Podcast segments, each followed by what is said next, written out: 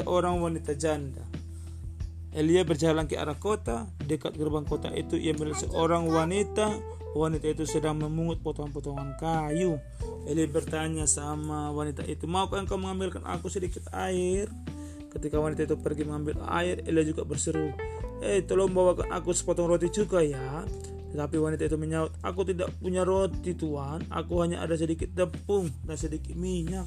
Aku akan memasak roti itu, memasak membuat api dengan potongan-potongan kayu ini lalu akan memanggang roti dan tepung dan minyak.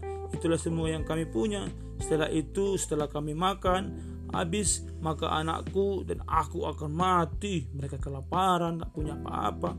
Eli berkata kepada jangan takut. Buatkan aku biskuit kecil dulu. Lalu buat satu untuk anakmu dan satu untukmu. Dan Allah akan memeliharamu minyak itu tidak akan pernah habis dibilangnya. Dan tepung itu tidak akan pernah habis juga. Wanita itu hampir-hampir tidak percaya tapi ia lakukan apa yang dikatakan Elia. Ia membuat biskuit kecil untuk Elia kemudian ia membuat satu lagi untuk anaknya dan satu untuk dirinya. Dan setelah ia selesai membuat semuanya wih, masih ada yang tersisa. Masih ada tersisa minyaknya masih ada tersisa tepungnya tiap hari wanita itu menggunakan minyak yang sedikit dan tepung yang sedikit itu. Dan tiap hari selalu ada yang tersisa. Nggak habis-habis rotinya. Nggak habis-habis apanya tepungnya. Nggak bisa habis minyaknya. Selalu dituang. Ada ada selalu. Demikianlah Allah memelihara nabinya. Dan dia memelihara juga wanita yang melakukan apa yang disuruh oleh Tuhan. Apa yang disuruh oleh nabi itu.